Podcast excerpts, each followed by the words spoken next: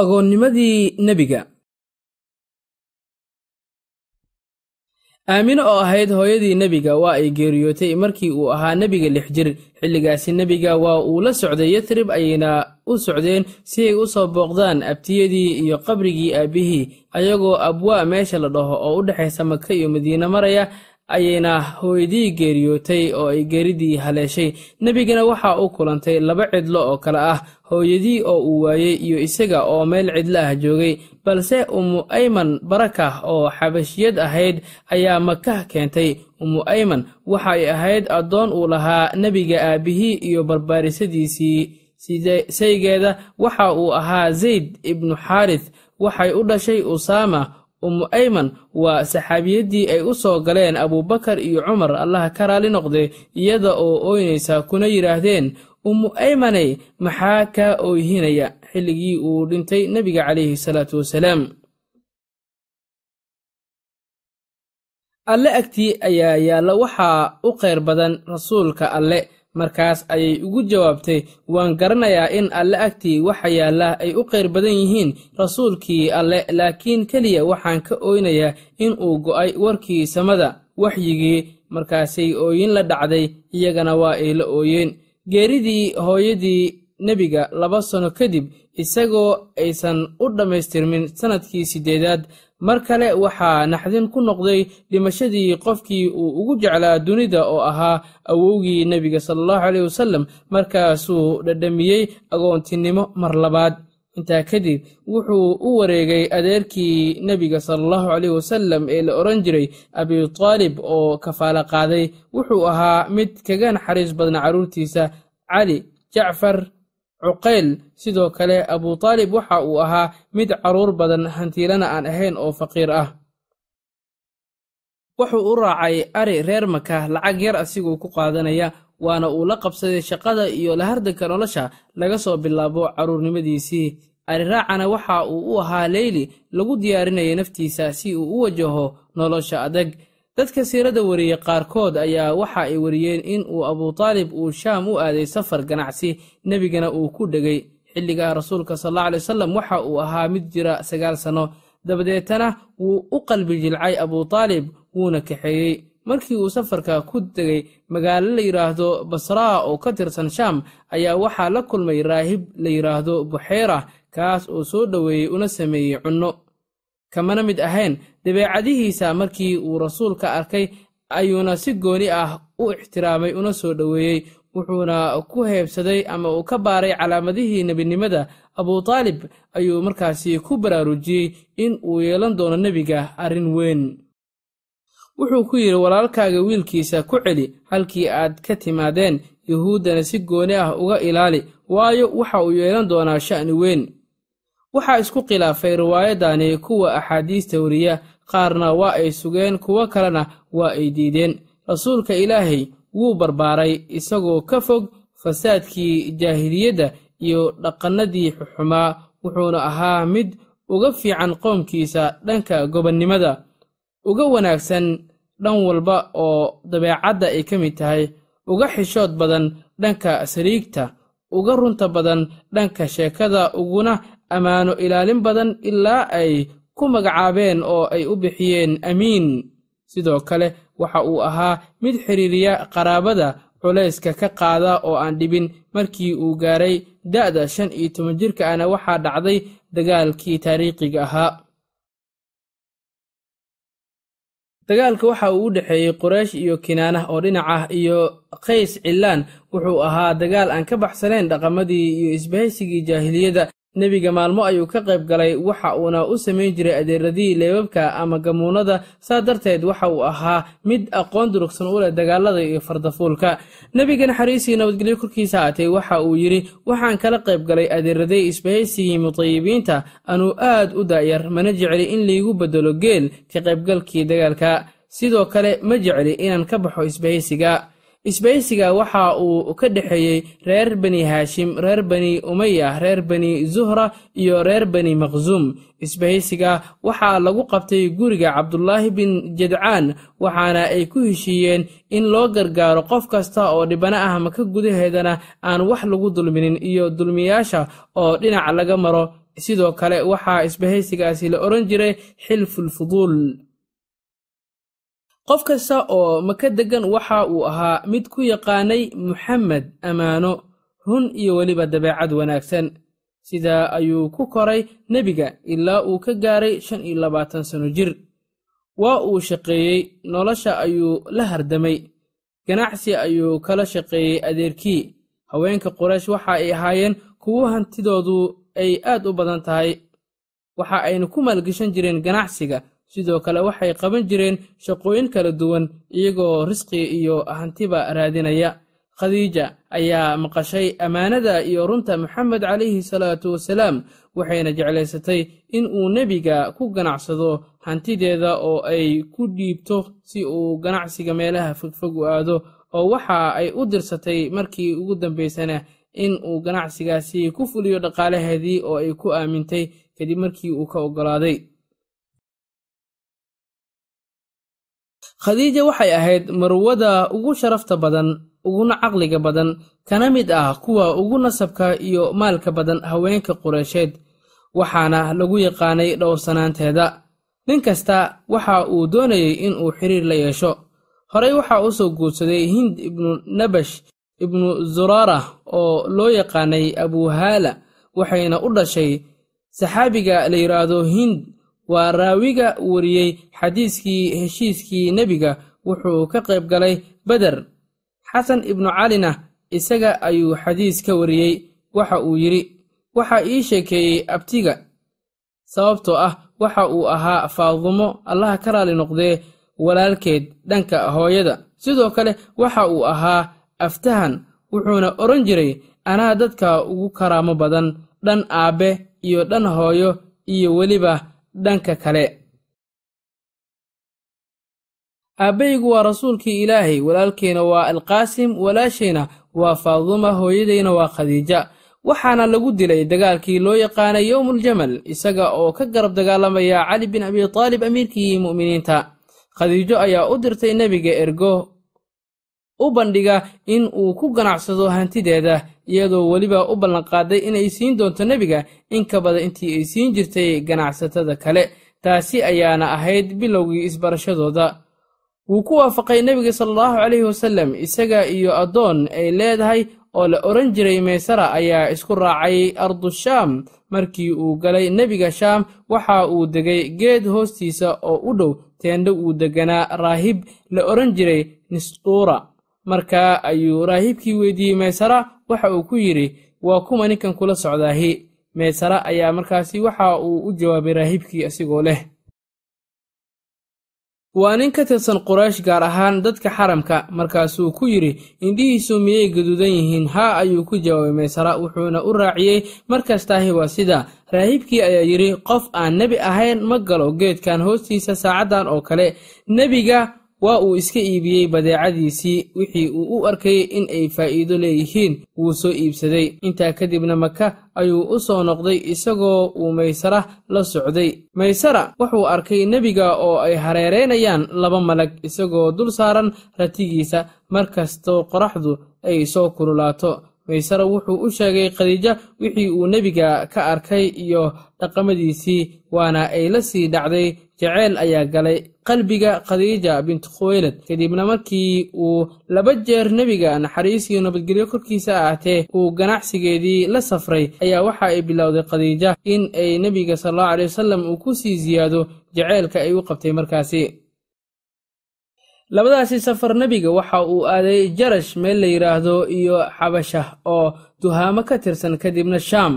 Khadiijo ayaa la tashatay in adeerkeed waraqa bin nowfal waxayna u sheegtay xaaladihiisii akhlaaqdiisii iyo wixii uu maysaro ka soo wariyey nebiga naxariistii nabadgelyo korkays waraqa waxa uu yidhi haddii ay run yihiin waxa aad sheegayso khadiijo maxamed waa nebiga ummaddan xilligaanna waa xilligiisii. Waxay jeclaysatay khadiija in uu guursado nebiga naxariistii nabadgelyo korkiisa aatee waxayna ergo ahaan ugu dirtay saaxiibadeed nafiisah bintu munayah si ay ugu sheegto waxa khadiija ay damacsan tahay. Intaa kadib waxa ay bilowday hadalka. Waxa ayna ku tiri ina adeer waxaan kugu jeclaaday qaraabanimada naga dhexayso. Sharafta aad qoomkaaga dhexdiisa ku leedahay ammaanadaada dabeecaddaada wanaagsan iyo runtaada. Nafteeda ayay u bandhigtay inuu guursado uuna ka doonto aabbaheed. Wuxuu ku yidhi aabbahaa waa nin hantiile ah. Imana kaa siinayo waxay ku tidhi keliya u tag la hadal inta kale anaa kaaga filan. Intaa kadib nebiga waxa uu u tegay adeerkii xamse bin cabdulmutalib wuxuuna u sheegay waxa uu damacsan yahay. Xamse durbadiiba waxa uu aaday khuweylid bin asad markuu u tegay oo uu u galay waxaa la joogay wiilkii walaalkii. Xamse waa la soo siiyey gabadhii uu u gogolgalay uu uga dalbaday wiilkii uu adeerka u ahaa sida ay dhaheen dadka taariikhda wariya qaarkood khadiijo xilligaa waxa ay jirtay afartan sano da ahaan. Halka nebiga naxariistii nabadgelyo korkiisa haatee uu jiray shan iyo labaatan sano wuxuu degay gurigii khadiija isla guriga ayayna khadiija ku dhashay. Dhammaan carruurtii nebiga naxariistii nabadgelyo korkiisa haatee ay u dhashay khadiija. Isla guriga ayayna ku geeriyootay allaha ka raalli noqday khadiija nebigana guriga ayuu deganaa ilaa laga soo gaaro wakhtigii hijrada. Waxaa ka soo guuriyey guriga cuqayl ibnu abi taalib. Wuu jeclaaday nebiga xaaskiisii khadiija. Waxay ahayd xaaskii uu ugu jeclaa ee u dhashay carruurtiisa kale ah. Qaasim cabdullaahi zaynab ruqiya umu kalhuum iyo faatima.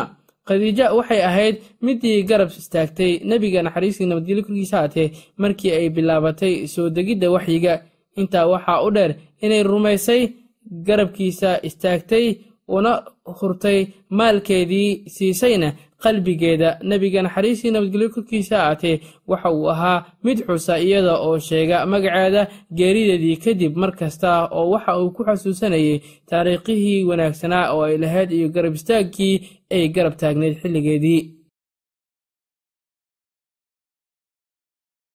dhisitaankii kacbada iyo joojintii fitnada. Wakhti badan ayaa ka soo wareegatay guurka nebiga. Da'da nebiga waxa ay gaartay shan iyo soddon jir. Quraysh ayaa isugu timid si ay uga tashato kor u qaadista kacbada. Waxay ka dhisneyd dhagxaan isdul saaran oo keliya. Waxay dooneen in ay kor u qaadaan korna ka daboolaan. Arrinkaa wuxuu ku qasbay in ay dumiyaan oo ay dhismaheeda ka soo biloobaan meel hoose xeebta badda jidda waxaa ku soo caariday doon weyn kadibna way burburtay. Waxay qaateen alwaaxyadeeda oo ay u geeyeen farsamayaqaan romaani ah oo la odhan jiray baaquum oo u diyaariyey alwaaxyada sidii loogu dabooli lahaa kacbada. Markii ay isku raaceen in ay dumiyaan oo dib loo dhiso ayaa caa'id al makhsuumi oo nin la odhan jiray waxa uu qaaday dhagax markaasaa waxa uu ka fakaday gacantiisii oo ku laabtay halkii waxa uuna yidhi qureyshayaa lagu dhisin kacbada wax aan xalaal ahayn. Yaan lagu darin waxa kacbada lagu dhisayo naaga goldhaaf samaysay hantida ay soo shaqaysay lacag ay ku jirto ribo iyo wax dulmi lagu soo kasbaday. Caayid al makhsuumi nebiga waa aabbihii abtigiis. Quraysh dhismaha kacbada waa ay kala qaybsatay. Reer cabdilmanaaf iyo zuhra waxaa loo igmaday in ay dhisaan dhinaca albaabka ruknul aswadka iyo ruknul yamaani. Inta u dhexaysana waxaa mas'uuliyaddeeda qaaday reer bani makhsuum iyo qabiilo kale oo ku soo biiray. Kacbada dhabarkeeda dambe reer jumax iyo saham dhanka dhagaxana reer cabdudaar asad iyo bani cadiya. Markii hawsha la kala qaybsaday ayaa dadka kacbadeen waxay ka cabsadeen dadkii kacbada dhisi lahaa qaabkii loo dumin lahaa waxaana garweynta qaatay weliid bin muqiira oo bilaabay duminta isagoo leh ilaahayow hargagaxin allahayow waxaan kheyr ahayn ma doonayno. Wuxuu dumiyey qaybta labada rugni dadka waxa ay sugayeen ilaa maalinkii labaad iyagoo ka baqanaya in wax uun ku dhacaan weliid laakiin markii ay arkeen inaysan waxba ku dhicin oo waxba aysan asiibin ayaa dumintii ay bilaabeen ilaa ay ka gaareen aasaaskii nebi ibraahim. Intaa kadibna qabiiladii waxay bilaabeen in ay soo ururiyaan dhagxaanta oo qabiil walba si gooniya ayuu u soo ururinayey dhismihii ayay wadeen ilaa ay ka soo gaareen rugniga kaasoo ah meeshii la dhigi lahaa xajarul aswadka.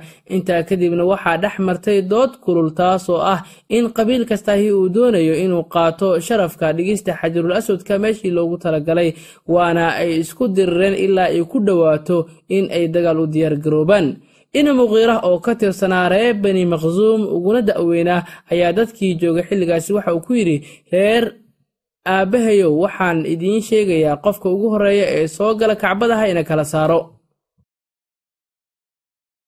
Way sameeyeen qofkii ugu horreeyey ee ka soo galay albaabkii kacbadana waxa uu noqday nebiga naxariis iyo nabadgelyo korkiisa ahaatee. Markii ay arkeen waxa ay dhaheen dhammaantood waa amiin waan ku raalli noqonnay in uuna kala xukmiyo. Markaa ayuu ku yidhi ii keena go' weyn. Waa loo keenay nebiga calayhi salaam xajarul aswadkii ayuu qaaday wuxuuna dul dhigay go'a korkiisa wuxuuna ku yidhi qabiil kastaa dhinaca go'a ha ka qabsado. Intaa kadibna waa ay wada qaadeen oo go'i ayay ku xambaareen iyadoo qabiil walba uu dhan ka hayo. Waxa ay geeyeen goobtii meel ku dhow.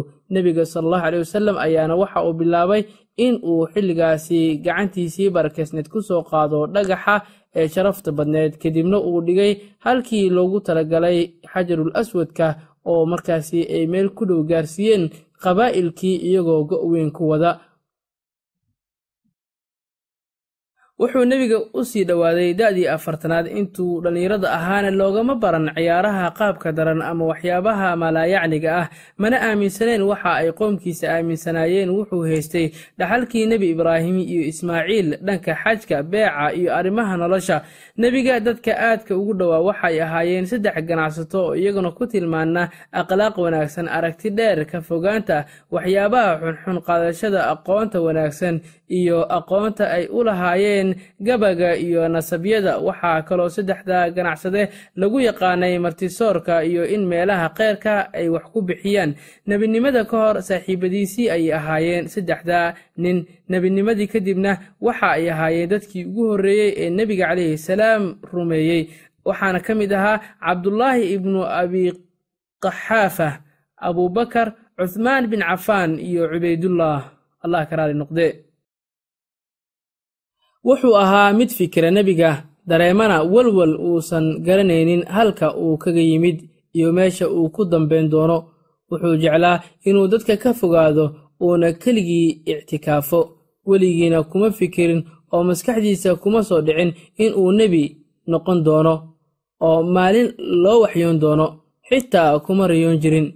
Ictikaafka iyo khalwada caan ayuu ka ahaa quraysh agteeda waxaa la yidhaahdaa cabdulmutalib oo ah awowga nebiga. Waxa uu ku qalweyn jiray godka xiraa la yidhaahdo wuxuuna ku teliyey reerkiisii in ay fuulaan buuraha markii ay dhacaysay. Dhacdadii maroodiga ictikaafka waxaa jideeyey nebi ibraahim calayhi salaam. Godka xiraana waxa uu ku teedsanaa kacbada oo waxa uu ahaa meel ay carab si wanaagsan u garan jireen. Nebiga oo godkaasi geli jirana waxaa kaga horreeyey awowgii in godka la fuulo waxa uu qaadanayay saacad barkeed allah subxaana wa tacaala waxauu yidhi saasaannu kugu waxyoonay nolol amarkaagana ah qur'aan. Maadan aqoonin kitaab waxa uu yahay iyo iimaan midnaba laakiin waxaan ka yeelnay nuur aanu ku hanuuninayno cidaannu doonno oo addoommadanada ka mid ah adiguna nebiyo waxaad ku hanuunin jidka toosan. Runlowga ammaanada badan waxa uu fuuli jiray buurta uu ku dhex yaallo godka xiraa waxa uuna ku sugnaan jiray godkaasi gudihiisa maalmo isagoo ku fikiri jiray koonka cajiibka ee dhanna wehelka ku ah dhanna cabsi ku geynaya intaa kadib wuu soo degi jiray si uu ugu jiscin qaato. Maalmo ayuu reerkiisii la joogi jiray si aysan uga walwalin dabadeetana wuu ku noqon jiray. Maalin maalmaha ka mid ah xilli ay tahay toddobiyo tobanka bisha barakeysan ee ramadaan lagana joogo afartan sano nebiga dhalashadiisii kuna beegneyd maalin isniin ah lixdii agoosto lix boqol iyo tobankii miilaadiyada waxaa u yimid malag isagoo ku sugan godka xiraa sayida caaisha radiallahu canha. Waxa ay tiri waxa u yimid malag markaasuu yidhi aqri nebiga sal ly salam wuxuu ku yidhi ma ihi mid wax aqriya. Wuu iqabtay wuu iyar ceejiyey ilaa aan ka xanuunsaday intaa kadib wuu isii daayey wuxuuna igu yidhi aqri waxaa ku idhi ma ihi mid wax aqriya. Wuu i qabtay mar labaad wuuna iyaro ceejiyey ilaa aan ka xanuunsaday. Intaa kadibna waxa uu yidhi iqra bismi rabbika aladii khalaq khalaqa alinsaana min calaq. Ilaa laga gaaray maa lam yaclam islamarkiiba nebiga. Waxaa u soo noqday gurigiisii isagoo gariiraya. Waxa uu u soo galay khadiija. Waxa uuna ku yidhi iduuduuba iduuduuba ilaa uu argagaxa ka dhammaanayeyna sidaa ayuu lahaa oo khadiijo ayaa duuduubtay.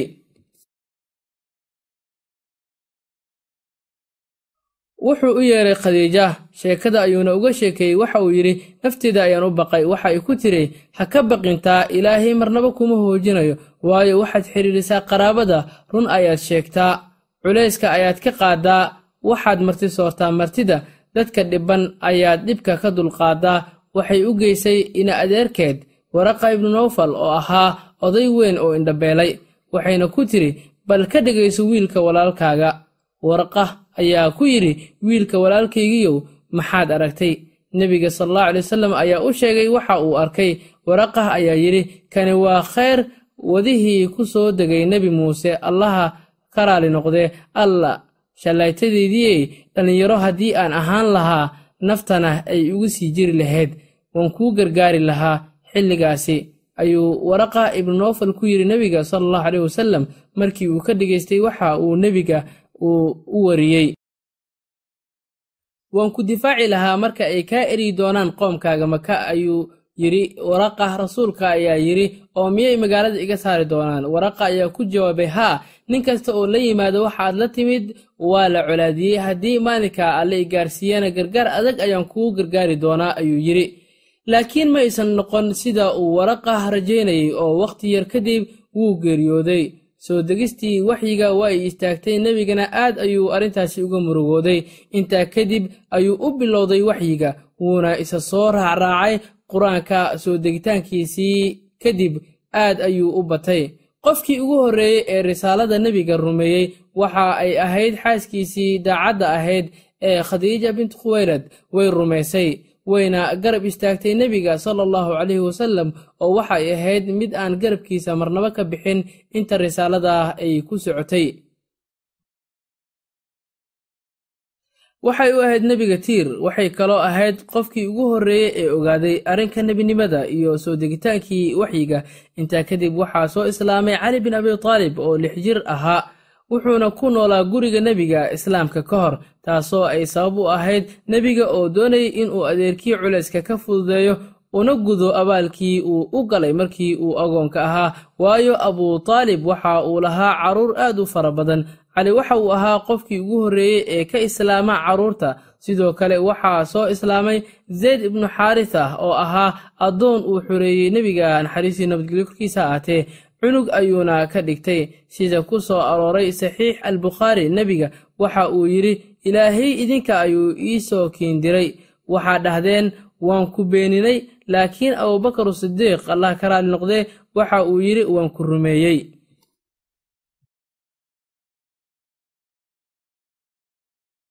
wuxuu igu gargaaray naftiisa iyo maalkiisa. Waa midkii ugu horreeyey qaadashadii islaamka uu qaatay. Abubakar waxa uu ku islaamay reerkiisii.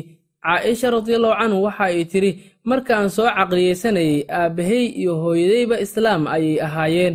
Wuu soo islaamay abubakar wuxuuna ahaa mid sharaf ku dhex leh qoomkiisa caqligii iyo gobonnimadiisii awgeed. Sidoo kale wuxuu ahaa nin la jecel yahay. Si wanaagsan u yaqaana nasabyada ahna ganacsade dabeecad wanaagsan. Dacwadda islaamka maka waxa ay uga bilaabatay si qarsoodi ah waxayna ahayd bulshada maka deggan qabiil qabiil. Makana waxaa gacanta ku hayay oo ay hoos imaan jirtay quraysh iyo inta iyada ku abtirsata oo ah afar iyo toban laf. Sida la filayeyna waxa ay ahayd in uu islaamka ku faafo marka hore laftii uu ka dhashay nebiga laakiin arrintaa maysan dhicin islaamka waxa uu ugu faafay lafihii ay ka koobnayd quraysh si isla-eg iyadoo aan cidna odhan karin laf hebel ayaa ku badnayd abubakar wuxuu ka soo jeeday reer taym cusmaan bin cafaanna waxa uu ka soo jeeday umayah zubayr ibnu cawaamna reer asad muscab ibnu cumeyrna reer cabdudaar ayuu ka soo jeeday cali bin abi taalibna reer haashim cumar bin khataabna reer cadiy cabdiraxmaan ibnu cawfna reer zuhra cusmaan ibnu madcuumna waxa uu ka soo jeeday reer jumux sidoo kale waxaa islaamka soo galay rag aan ku abtirsan quraysh oo iyana aad u fara badnaa kuwaasoo diinta islaamka ku soo biiray. Waxa ayna ahaayeen dad aan quraysh ka tirsaneen dadkaasi oo ka baxsan beesha quraysh oo si isku mid a islaamka ugu soo biirtay iyadoo aanay ku kala badnayn islaamka cabdulaahi ibnu mascuud oo kale waxa uu ahaa reer hudayl cutbad khaswaana maazin cabdulaahi ibnu qaysna ashcariyiin camaar ibnu yaasirna canz zeyd ibnu xaarisna kelb dhufayl ibnu camarna dows abuudarna khafaar camar ibnu cabbaasna saliim caamir ibnu rabiicna canz. Halka suheyb al nimrina uu ka soo jeeday nimr sidaa ayuuna islaamka u ahaa mid dadka oo dhan ka wada dhexeeya laga soo bilaabo bilowgiisii. Mana ahayn mid u gaar ah maka almukarama iyo beelweynta quraysh ee deggan magaaladaasi barakaysan ee maka almukarama